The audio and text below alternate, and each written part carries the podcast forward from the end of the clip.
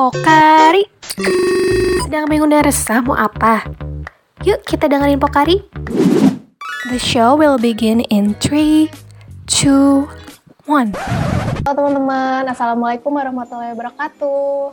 Selamat datang di Pokari Podcast. Keluarga Keluarga Psikologi Ya, nah di episode kali ini ya, Salah satu episode yang menurut aku cukup menarik nih ya Pembicaraan kita pada hari ini tuh yaitu membahas mengenai Kekerasan seksual di perguruan tinggi Nah, uh, untuk narasumber kali ini juga spesial juga nih karena narasumber kita kali ini tuh adalah salah satu dosen di Fakultas Psikologi Unisba. Siapa Zebib?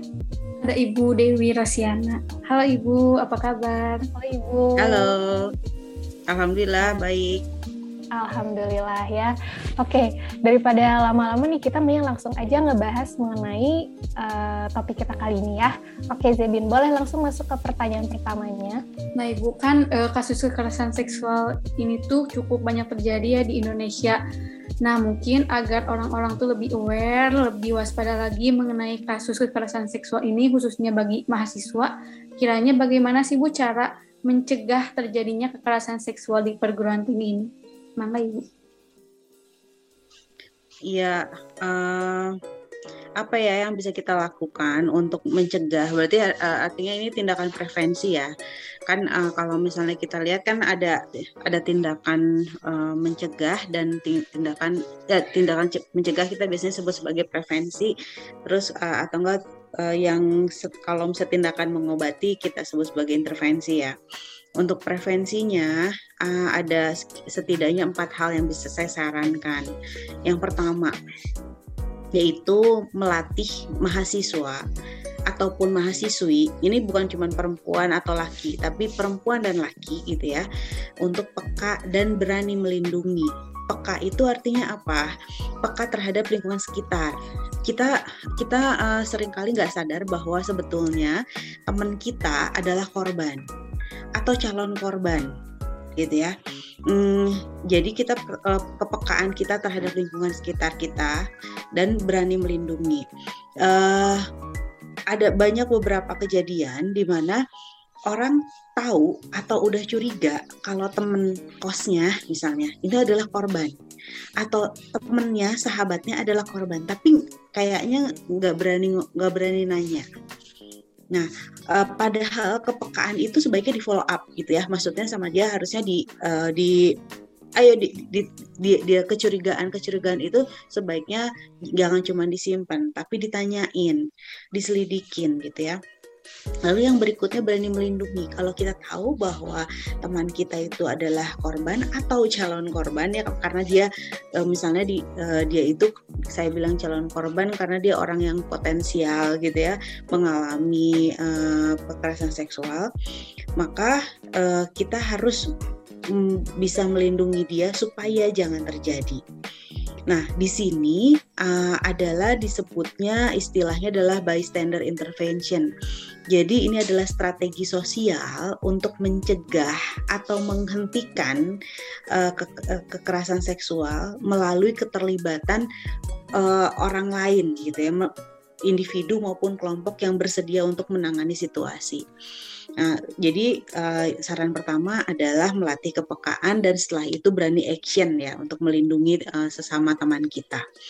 Lalu yang kedua, nah ini nih, yang yang kedua ini uh, adalah butuh keterampilan say no to sex.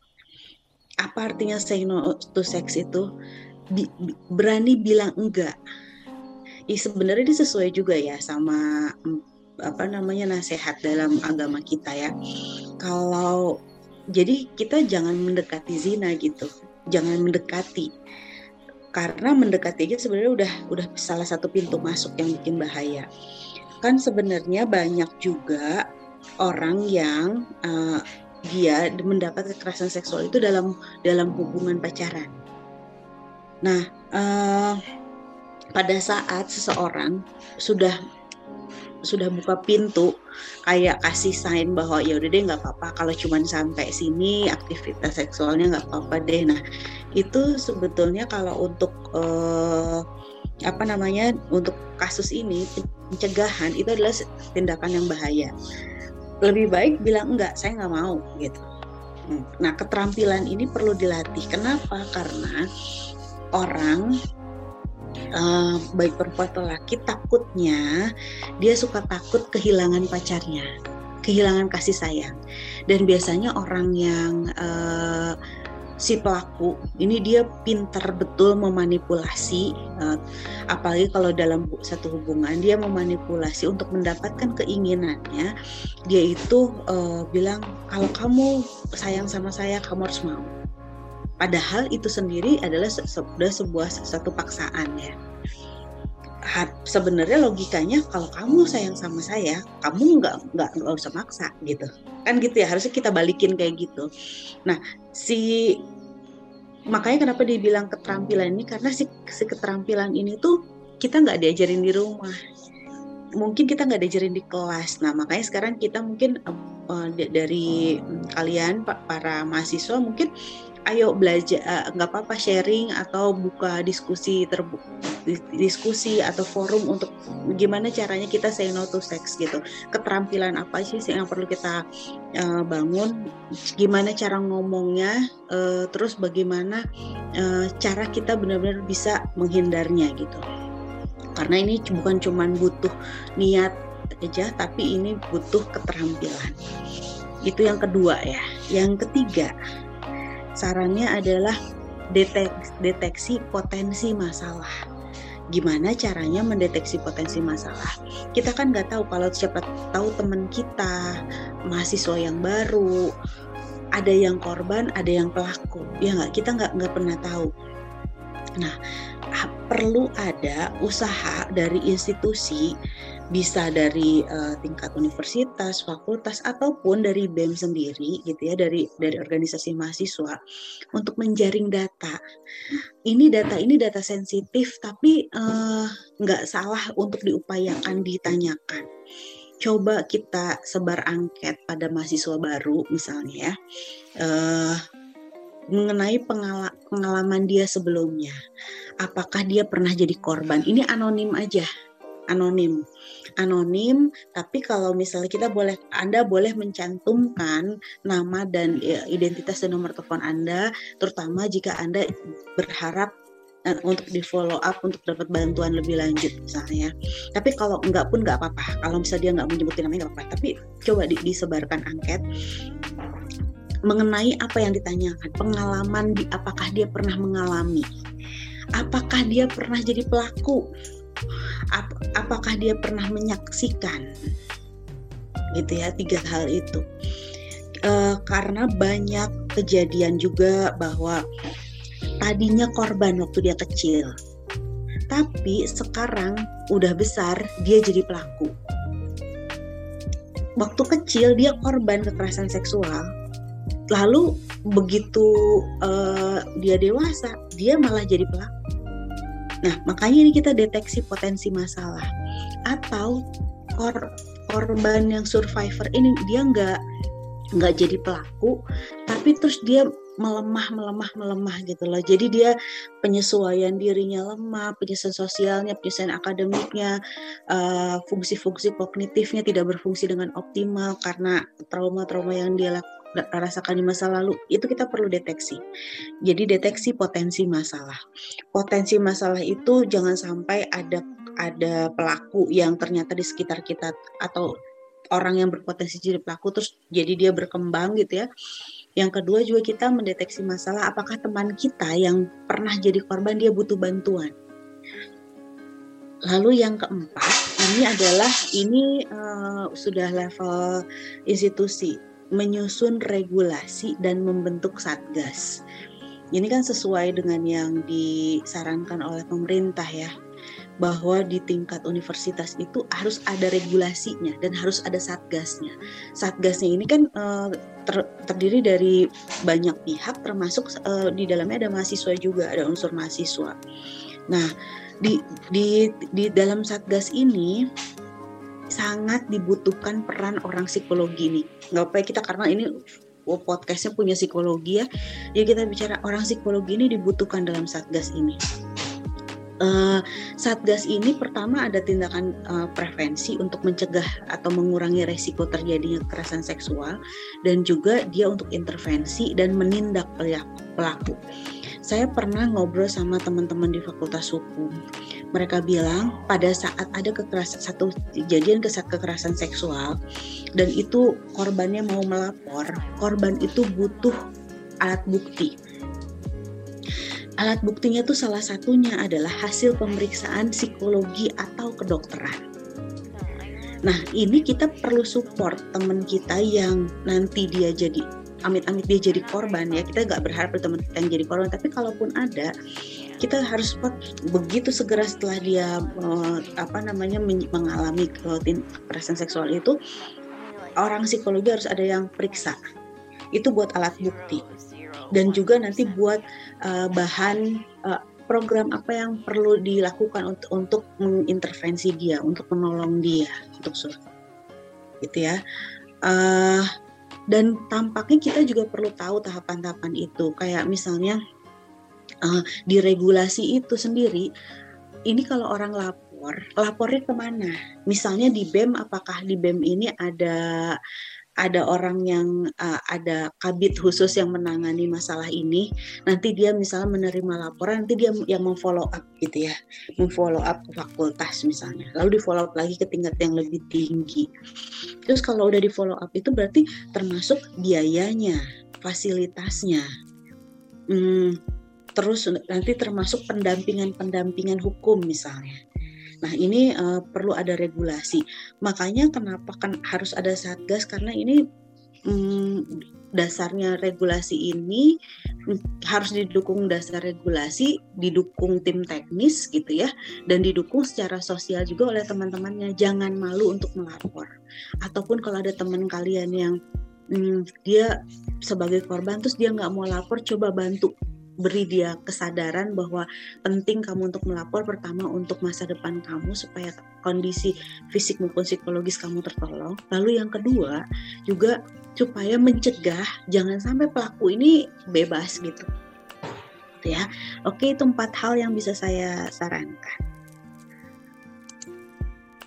Ya baik Ibu. Nah tadi kan e, di poin nomor dua Ibu bilang kita tuh harus berani say no to sex dan itu tuh merupakan yeah. suatu keterampilan. Nah, kira-kira gimana sih Bu untuk bisa mengembangkan keterampilan itu? Ya, untuk bisa mengembangkan keterampilan itu perlu adanya kepercayaan diri. Uh, kenapa saya bilang pertama adalah kepercayaan diri atau keyakinan diri? Kalau saya, misalnya dalam satu hubungan ya, dalam satu hubungan, uh, kalau kamu nggak mau melakukan seks pranikah sama saya, hm, kamu putus misalnya gitu sih uh, si pelakunya bilang gitu ya. Terus udah gitu walaupun dia melakukan kekerasan seksual terus diterima aja nggak diputusin gitu ya. Hmm, itu itu orang yang seperti apa sih yang korbannya yang kayak gitu? Adalah orang yang nggak percaya diri. Dia nggak percaya diri bahwa dia akan dapat lagi yang lebih baik dia nggak percaya diri bahwa dia bisa mandiri atau bisa secara emosi uh, independen tanpa pasangannya. Dan orang-orang yang seperti itulah yang biasanya jadi korban terus-menerus, baik dalam satu hubungan pacaran maupun dalam hubungan pernikahan. Hmm, kenapa dia nggak bisa keluar dari hubungan itu dan dia nggak bisa berhenti jadi korban karena dia dia sendiri nggak punya kepercayaan diri bahwa dia secara emosi dia itu bisa mandiri. Nah, mm, jadi uh, yang perlu yang diperlukan adalah kepercayaan diri bahwa saya bisa dapat yang lebih baik dari kamu bahwa tan kalau kamu ngancem kamu bakal mutusin saya, saya harus mempertanyakan mempertanyakan kenapa kamu harus ngancem ngancam. Kalau kamu memang betul uh, apa serius atau sayang sama saya, kamu nggak perlu ngancam gitu kan nggak. Buk uh, kita perlu kecurigaan situ karena begitu dia udah nggak independen secara emosi biasanya juga eh, nggak uh, rasional lagi gitu akhirnya ada ada keyakinan keyakinan salah yang dia uh, yang dia yakini bahwa oh pacar saya melakukan itu karena dia saking dia sayang banget sama saya dia posesif banget sama saya padahal itu salah gitu gitu ya. Jadi kepercayaan diri, yang kedua juga bersik, bersik, bersik, bersikap rasional, rasional terus um, cari bantuan pada saat kita merasa bahwa kita tidak bisa keluar dari situ, cari bantuan. Dan uh, selain itu juga mungkin bukan dalam hubungan pacaran aja, tapi ada ini loh. Apa sih kalian tuh sebutnya teman tapi mesra? Gitu ya uh, friend with benefit gitu ya. Ada kan yang kayak gitu? Nah si ini juga banyak yang banyak pelaku loh yang kayak gitu. Jadi dia uh, melihat-lihat dari sekumpulan temannya ini mana sih yang bisa dimanfaatkan dalam tanda kutip nah makanya di, jangan mm, jangan melonggarkan batasan. Kadang-kadang ada yang mulai uh, mancing dengan bercandaan-bercandaan yang jorok misalnya. Mancing dengan uh, gestur atau bahasa tubuh yang agak ngedeketin terus uh, uh, uh, misalnya mulai megang ke misalnya paha gitu ya atau mulai ngerangkul pokoknya ada ada bahasa tubuh tindakan-tindakan yang mulai mancing. Nah biasanya pelaku itu nggak selalu berani dia. Tapi dia lihat dulu lihat-lihat. Ah nih orang nih kayak bisa nih. Coba kalau sampai pertama bertahap sampai sini oh kayaknya dia oke-oke aja. Maju lagi ke tahap berikutnya. Dan akhirnya merasa ini bisa dijadiin korban uh, lalu ad, ini saya tadi bicara pada hubungan uh, pacaran lalu pada hubungan pertemanan terus udah gitu ada juga yang pada ini pada situasi umum ya. Pada situasi umum saya orang yang nggak kenal gitu ya di tempat publik. Nah uh, kalau ada orang yang mulai mencurigakan, mohon maaf nih ya, kalau misalnya uh, kejadiannya bisa jadi kayak gini, uh, lagi ngantri, ngantrinya desek-desekan, ya ngantri, terus uh, ini kalau kondisi nggak pandemi wah kan kayaknya sering tuh kita ngantri apa terus desek-desekan gitu ya. Itu uh, ada orang yang suka uh, ngambil kesempatan. Apakah megang ataukah men mendekatkan alat kelaminnya ke uh, bagian belakang. Bisa perempuan bisa laki gitu ya Nah, itu yang paling sering kejadian, itu yang kelaminnya didekatkan ke uh, pantat orang yang di depannya. Dan dia mengambil kesempatan itu. Nah, pada saat kayak gitu, kak, uh, yang harus dilakukan adalah marah, teriak marah, gitu. Lakukan tindakan marah yang kelihatan marah, bukan cuma eh apaan tuh, bukan cuma kayak gitu. Karena eh apaan tuh, itu tuh nanti oh dia nggak marah dia cuma kaget doang, tapi udah gitu dia ngadep ke depan lagi terus ngantri lagi kayak seakan-akan gak ada apa-apa. Akan diteruskan tuh kejadiannya. Jadi eh, marah dan ambil tindakan. Kalau kalau misalnya itu kan adalah satu perilaku yang nggak baik ya. Jadi kalau kal kalian mau marahnya marah banget atau misalnya uh, mukul atau apa itu nggak apa-apa. Jadi uh, kita perlu uh, bertindak tegas dan menunjukkan bahwa kita bisa melindungi diri kita gitu. Nah, biasanya orangnya kalau misalnya udah dimarahin kabur. Jadi orang-orang pelaku dengan yang cari-cari kesempatan ini juga orang-orang yang takut gitu. Jadi mereka bukan orang yang apalagi di, di tempat publik mereka takut. Kan um, orang biasanya uh, lebih galak pada pada korban pada pelaku apa kejahatan seksual dibandingkan pada misalnya maling. Maling orang orang-orang publik bantuin ya, bantuin ngejar segala macam. Tapi kalau misal kekerasan seksual biasanya orang lebih ini lagi kan lebih empati lagi gitu. Jadi eh, dia akan takut. Itu yang perlu kita lakukan. Jadi di setidaknya tidak tiga kondisi itu. Uh, dan mungkin hal lainnya itu adalah secara uh, penampilan kita, penampilan kita juga perlu menunjukkan bahwa penampilan kita penampilan orang yang say no to sex gitu. Jadi bukan orang yang mengundang. Nah ini mungkin interpretasinya macam-macam. Uh, Manggaya pokoknya mungkin tiap budaya beda gitu ya. Tapi yang jelas uh, kita nunjukin bahwa secara gestur, penampilan maupun perilaku kita memang orang yang menolak gitu. Iya bu. Tapi bu kadang juga ya kalau misalnya kejadian nih di tempat umum gitu tuh kita tuh suka kayak nge-freeze gitu loh, kayak nggak bisa kayak ya nggak bisa untuk marah gitu. Kayak suka diam. Mm-mm. aja. karena kaget ya karena kaget itu kejadian luar yang luar biasa gitu ya kita dan kita nggak terlatih untuk kita harus ngapain nah makanya eh, kalau pada saat terjadi itu mm, sangat mungkin terjadi nge-freeze. Hmm, terus udah gitu gemper takut malah saya harus gimana ya gitu. Tapi kalau kitanya sendirian. Em, jadi kalau gitu kayaknya kita sama-sama eh, nih di lingkungan mahasiswa ayo kita adakan bahasan-bahasan itu. Jadi mm, coba kita isi dulu bekali pengetahuan kita kalau situasi kayak gitu kita harus ngapain?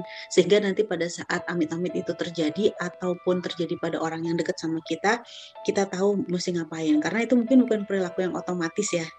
Karena eh, kita perlu bekal dulu gitu pengetahuan supaya nanti pada saat mm, diperlukan kita bisa bertindak. Kalau udah nge-freeze dan nggak ada kitanya nggak nggak ngapa-ngapain gitu setelah itu kan mungkin ngerasa aduh kok saya bodoh banget ya? Kok saya nggak ngapa-ngapain ya? Setelahnya mungkin merasa kayak gitu ya. Ya udah cari bantuan aja ngobrol. Minimalnya ngobrol. Minimalnya ngobrol. Ungkapkan apa yang dirasakan. Jangan dipendam sendiri pengalamannya. Oke, nah karena tadi kita udah bahas tentang cara mencegah eh, terjadinya kekerasan seksual ya Bu ya di perguruan tinggi. Kemudian eh, kalau misalnya untuk eh, korbannya sendiri gitu ya Bu ya, seberapa besar sih pengaruh dari kekerasan seksual itu atau pelecehan seksual itu di perguruan tinggi itu seberapa pengaruhnya gitu? Iya, eh, sebetulnya pengaruhnya cukup besar ya, karena gini, eh, ini mah eh, hasil penelitian-penelitian yang eh, yang sudah dilakukan, dampak psikologis itu setidaknya ada tiga area. Yang pertama itu di ranah emosi, yang jelas ada emosi-emosi negatif yang dia rasakan, gangguan psikologis, emosi negatifnya merasa malu, marah, kurang percaya diri, takut, bingung gitu ya. Eh, malu, aduh aku malu sebagai korban tuh malah malu. Aku aku tuh kayaknya hmm, apa namanya udah nggak suci gitu ya. Terus marah, marah pada pelakunya atau bahkan marah pada diri sendiri. Kenapa sih eh, nggak bisa melindungi diri sendiri? Atau marah pada orang lingkungan sekitar? Kenapa kok orang sekitar nggak nggak ngelindungin saya? Menjadi kurang percaya diri karena dari sebanyak orang kenapa saya yang dipilih gitu ya apakah saya punya kekurangan uh, sehingga saya ngasih peluang itu pertanyaan-pertanyaan ketidakpercayaan terus takut dan bingung ya Eh, lalu ad- sampai dengan ke depresi ketakutan. Ada korban yang eh, setelah kejadian itu dia jadi nggak bisa tidur. Kalau tidur terus cepet bangun. Eh, terus apa namanya mimpi-mimpi buruk. Terus kalau misalnya ada eh, stimulus yang mirip misalnya ada orang yang mirip padahal bukan bukan orang pelakunya itu langsung ketakutan. Langsung si reaksi fisiknya tuh reaksi fisik yang seakan-akan kayak emang pada saat itu terjadi lagi. Jadi emosi maupun fi- fisiknya itu kayak dia nggak bisa nggak bisa ngelepasin dari kejadian itu terus so- somatis eh, psikosomatis ya hmm, sakit kepala mah terus udah gitu apa namanya jantung berdebar. Ada yang sampai PTSD ya eh, post traumatic hmm, syndrome disorder.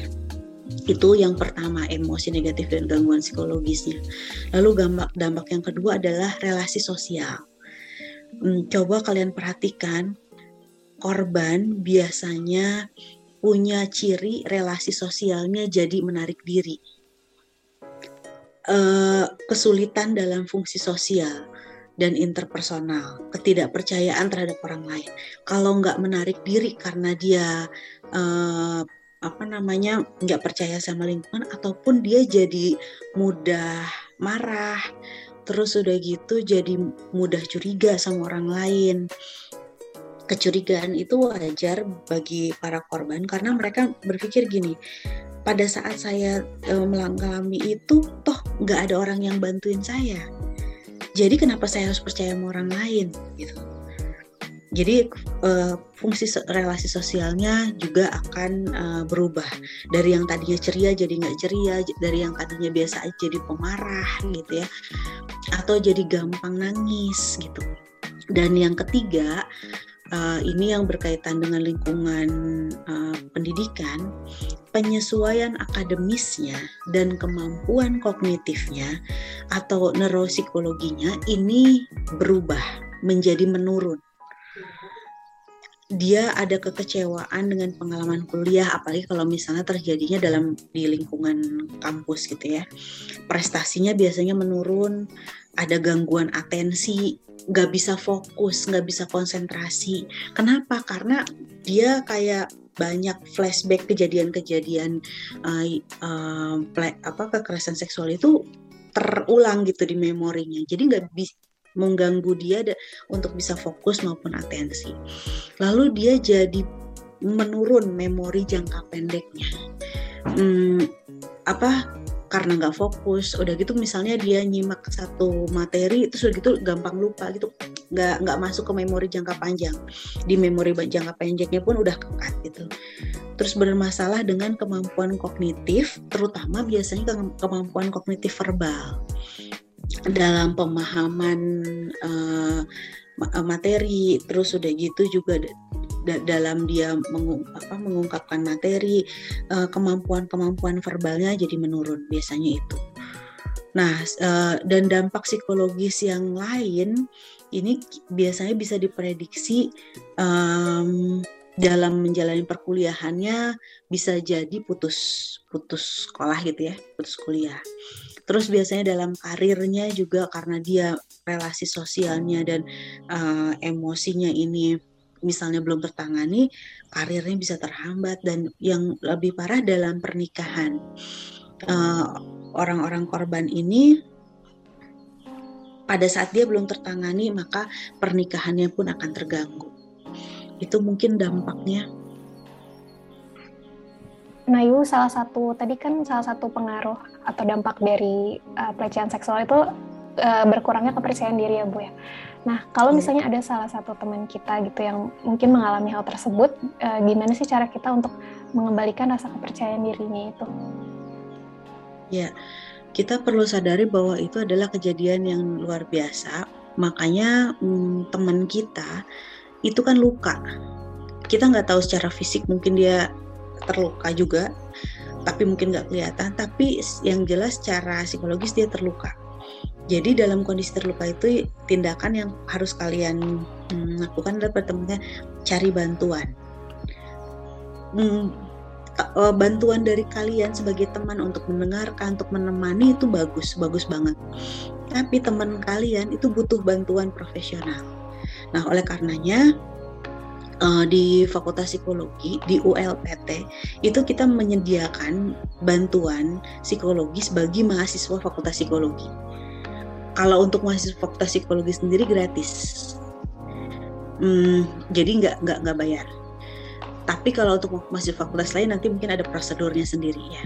Jadi kalian harus dorong teman kalian untuk cari bantuan psikologis. Dan juga sering kali mungkin bantuannya juga bantuan fisik ya di hmm, ke dokter gitu ya. Uh, apa kita nggak tahu kejadiannya apa aja tapi bisa jadi mungkin ada uh, trauma fisik juga. Oke, yang bisa saya sarankan adalah itu cari bantu dorong teman kalian untuk cari bantuan. Uh, orang tuh bisa jadi kayak kelihatan uh, kayak udah sembuh gitu kayak udah healing. Tapi nanti pada saat ada stimulus yang mirip itu bisa dia bisa flashback lagi gitu. Jadi sebenarnya dia nggak benar-benar sembuh.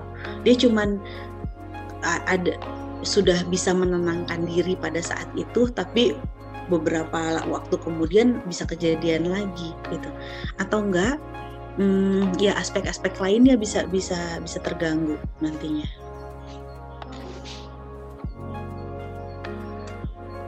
Uh, Ibu punten ini karena linknya udah mau habis, mau ganti link aja. Iya. Ya. Uh, untuk eh. pertanyaan lagi. Oh gitu ya. Iya. Nanti saya uh, kirim ke WA Ibu. Iya boleh. Ya. ini di lift dulu aja ya, perguruan tinggi nggak mau follow up itu biasanya karena memang nggak nggak ada prosedurnya. Jadi siapa yang bertanggung jawab, terus harus diapain, uh, fasilitasnya dari mana, nggak nggak ada aturannya. Nah jadi yang perlu didorong untuk ada itu adalah regulasi. Regulasi membuat kita semua jadi aman. Regulasinya itu hmm, tadi yang disarankan oleh pemerintah adanya satgas kan ya, ada satgas. Hmm, satgasnya yang terdiri dari berbagai unsur termasuk mahasiswa. Nanti si siapa yang menerima laporan, siapa yang memfollow up laporan, ada yang memfollow up nanti masalah fasilitasnya dan biayanya, juga ada yang memfollow up masalah uh, apa namanya uh, intervensinya gitu ya. Uh, kalau misalnya uh, itu udah ada, jadi tahu pada saat ada kejadian kita nggak berharap pada kejadian tapi pada saat ada kejadian kita tahu siapa nanti yang harus bergerak terus yang kedua uh, tadi saya sempat sebutkan bahwa hmm, kan ini mau dibawa ke ranah hukum atau enggak?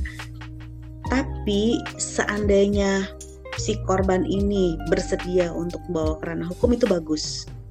Kita nggak maksa tapi seandainya itu bagus. Maka kita perlu membekali dia dengan uh, apa yang terjadi sama dia itu harus bisa jadi alat bukti. Salah satu alat buktinya itu kan bisa visum uh, yang dilakukan oleh dokter, ya kan? Itu berarti harus dilakukannya segera setelah ya, segera setelah kejadian. Jadi waktunya nggak jangka waktu lama. Yang kedua juga alat buktinya itu adalah hasil pemeriksaan psikologi dari tenaga psikologi ahli. I, i, itu juga mm, alat bukti. Nanti kalau misalnya kalian proses hukum, nggak bisa diproses ke proses hukum kalau nggak ada alat bukti itu. Jadi kalau cuman kesaksian si orangnya itu kurang kuat. Jadi kita perlu edukasi teman kita juga untuk dia uh, jadi alat bukti. Misalnya uh, alat bukti pemeriksaan psikologis nanti di dari hasil evaluasi psikologis oleh ahli betul dia mengalami apa yang tadi saya sebutin ada dampak-dampak psikologisnya. Mungkin secara emosi, terus mungkin apa namanya uh, sosialnya, lalu juga mungkin kondisi uh, fungsi kognitifnya gitu ya. Nah, itu jadi jadi alat bukti gitu dan itu yang mm, akan sangat membantu. Uh, kenapa saya sarankan untuk masukin ke ranah hukum? Ini jadi apa ya? Jadi kayak action kita bahwa kita bertindak keras nih untuk untuk uh, untuk uh, perilaku kekerasan seksual kitanya juga keras. Kita nggak cuman damai kekeluargaan aja. Orangnya minta maaf terus udah atau ya udah deh yang penting uh, korbannya ini udah di treatment, udah dia udah udah bisa healing lagi, yang penting itu enggak. Tapi harus ada tindakan pencegahan berikutnya supaya nanti enggak kejadian lagi ataupun si calon-calon pelaku ini menjadi nggak berani untuk bertindak gitu. Karena memang nggak adanya regulasi dan nggak adanya action yang jelas karena mungkin nggak ada satgasnya itu bikin orang jadi ah nggak apa-apa kali. Ini maaf ya suka ada yang terjadi tadi mungkin yang di lingkungan perguruan tinggi ada yang belum saya sebutin. Mungkin ada kakak kelas ke adik kelas mungkin ada dosen ke mahasiswa yang posisinya dia posisi lebih powerful gitu ya kakak kelas adik kelas dosen masih kan lebih powerful kan. Jadi nah ini di di posisi yang hmm, powernya nggak seimbang artinya mahasiswa lebih rendah powernya dosennya lebih tinggi ini kan biasanya aduh gimana mesti gimana? Nah itu juga harusnya hmm, ada tindakan. Kalau misalnya saya pernah dengar ya mungkin ini nggak kejadian di Unisba ya tapi di kampus lain itu ada dosen yang memanfaatkan powernya untuk bisa mem memanfaatkan dalam tanda kutip mahasiswanya gitu ya. Nah, hmm, ya kayak yang kayak gini kan sebelumnya nggak pernah dilaporin nih, karena nggak berani gitu. Atau akhirnya jadi omongan dari dari mahasiswa ke mahasiswa aja. Eh hati-hati kalau kamu dibimbing sama dosen yang itu dia mah suka cunihin, dia mah suka gini gini gini gini gitu kan. Nah, yang kayak gini tuh jangan cuma dijadiin gosip, yang kayak gini tuh dilaporin gitu. Kalian jadi kuat sebagai mahasiswa karena kalian punya organisasi mahasiswa dan itu harus dimanfaatin gitu. Kalau suaranya suara Zebina, Hasna itu lemah. Tapi kalau suaranya suara Zebina dan Hasna sebagai perwakilan organisasi mahasiswa itu jadi kuat. Ya, itu kita jadi saya me, memprovokasi kalian untuk punya action nyata gitu ya uh, pada tindakan ini ya. Baik Ibu, kemudian uh, jika misalnya tapi jangan sampai ya mungkin uh, teman-teman yang lagi mendengarkan ini atau mungkin salah satu dari kita itu pernah mengalami yang namanya kekerasan seksual seperti itu Bu. Nah, kira-kira langkah apa sih yang sebaiknya harus kita lakukan sebagai korban? Ya, um, kita sudah tahu bahwa dampak-dampaknya banyak gitu. Dampaknya mungkin luka luka fisik bisa sembuh, tapi luka psikologis kalau kita nggak hmm, periksa kita nggak sembuh. Dan bisa jadi uh, dampak yang lain adalah kita sebagai korban kita tuh bukan jadi orang yang lebih kuat. Kan ada katanya ada pepatah uh, segala hal yang tidak membunuh kita itu membuat kita jadi tuh kuat katanya gitu kan kalau kita bisa ngambil hikmah dari situ. Kalau kita bisa hmm, apa namanya menemukan potensi-potensi diri kita dan kita bisa uh, kita bisa manfaatin itu jadi satu momen yang uh, apa momentum kita untuk untuk melting balik gitu ya jadi resilience tapi kalau enggak kalau enggak kitanya jadi orang yang lebih lemah dan di fungsi sosialnya terganggu, fungsi kognitifnya terganggu, dan mungkin masa depan kita, masa depan karir, pernikahan itu bisa terganggu. Pertama sadari aja dulu itu. Nah, setelah menyadari itu, hilangkan gengsi, rasa malu, rasa takut bahwa uh, nanti orang akan mencemooh saya nanti orang jadi hmm, jadi menganggap saya kurang bagus. Enggak sekarang kita enggak kita enggak nggak bilang kayak gitu. Kita sekarang uh, coba uh, tumbuhkan apa namanya lingkungan positif yang ngedukung bahwa kalau korban butuh bantuan kalau korban cerita itu dianya nggak jelek tapi kebetulan dia dapat musibah dan uh, dia dapat cobaan dan dia perlu dapat bantuan gitu. Uh, jadi yang maksudnya saya sarankan adalah yakinkan diri daripada kita mengalami dampak-dampak yang lebih yang lebih besar, lebih baik kita cari bantuan. Oke ya. Hmm, terus uh, amit-amit ya. Uh, tadi yang saya ceritakan bahwa ada korban-korban yang dia tumbuh menjadi pelaku. Tapi itu biasanya pada pada pada saat kejadiannya dia masih kecil berulang-ulang gitu ya.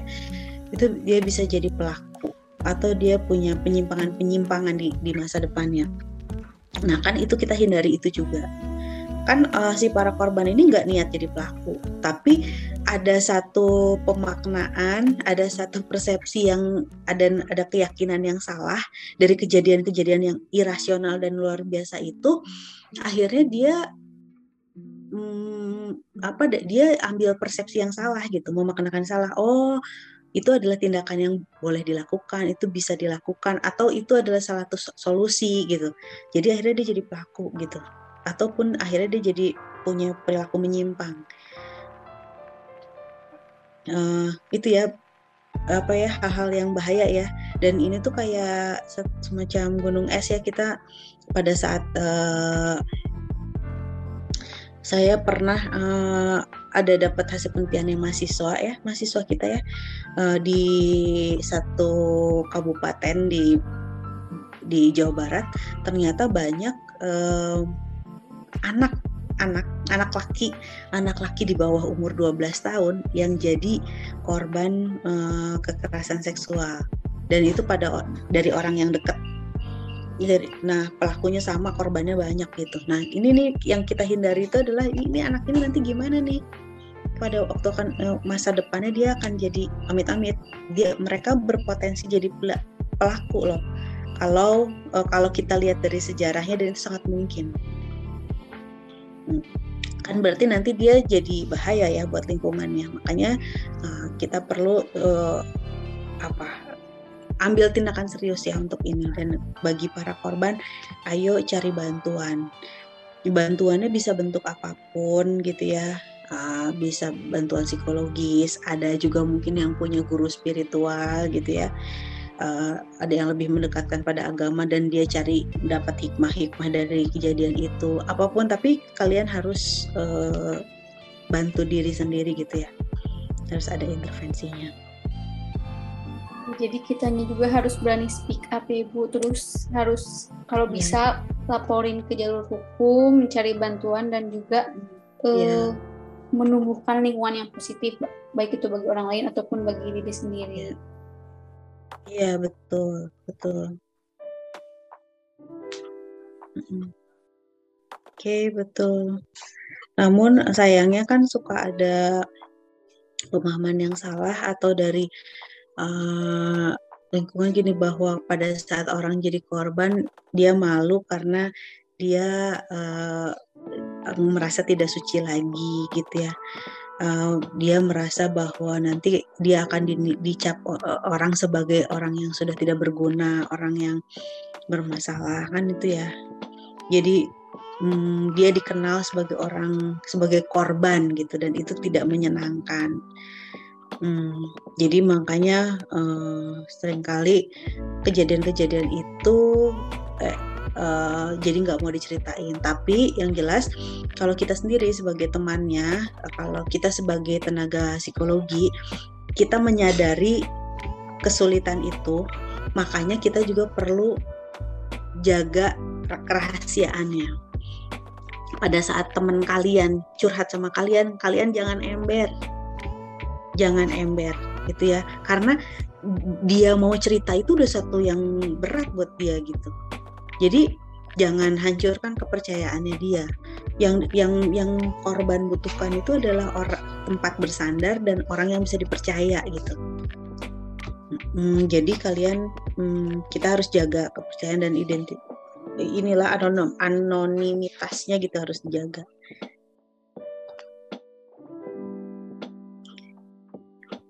Hmm.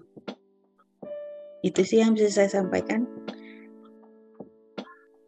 Jadi uh, setelah mendengarkan paparan dari Ibu Dewi ini, semoga uh, kita juga lebih aware dan juga lebih waspada ya Bu mengenai kasus kekerasan seksual, tapi bukan hanya di kampus, bisa juga di lingkungan, di keluarga, ataupun di lingkungan sekitar kita. Tapi khususnya iya. karena kita sebagai mahasiswa dan juga uh, kuliahnya di kampus gitu ya. Jadi semoga bisa lebih aware aja dengan kasus kekerasan seksual di kampus ini. Ya, dan lebih berani bertindak. Ayo sekarang BEM psikologi udah punya belum nih salurannya kalau misalnya uh, stru apa strukturnya satgasnya udah punya belum gitu kan. Mudah-mudahan ini bisa bisa me, apa menginspirasi juga ya. Hmm. Semoga nanti kalau ada teman-teman BEM lain yang ngedengerin ini kayak bisa apa ya, bisa oh mungkin bisa jadi inovasi buat iya bisa jadi inovasi yeah. baru ya ya yeah. mm -mm. oke okay. nah ibu karena kita sudah ada di penghujung acara gitu ya mungkin dari ibu sendiri ada closing statement nih untuk uh, pendengar kita pada episode kali ini silahkan ibu mangga ya uh, kekerasan seksual apalagi di lingkungan pendidikan itu adalah kejadian yang uh, memalukan, yang jahat, yang kita harus sama-sama um, mencegah. Pencegahan kita harus uh, harus ditunjukkan dengan uh, tindakan nyata. Kita harus mulai dengan regulasi Terima kasih kepada teman-teman yang udah nyempetin waktunya untuk ngedengerin podcast Psikologi Unisba ini. Jangan lupa di-share ke teman-teman yang lain dan jangan lupa juga terus pantengin Instagram BEM Psikologi Unisba untuk tahu episode-episode menarik selanjutnya. See you soon!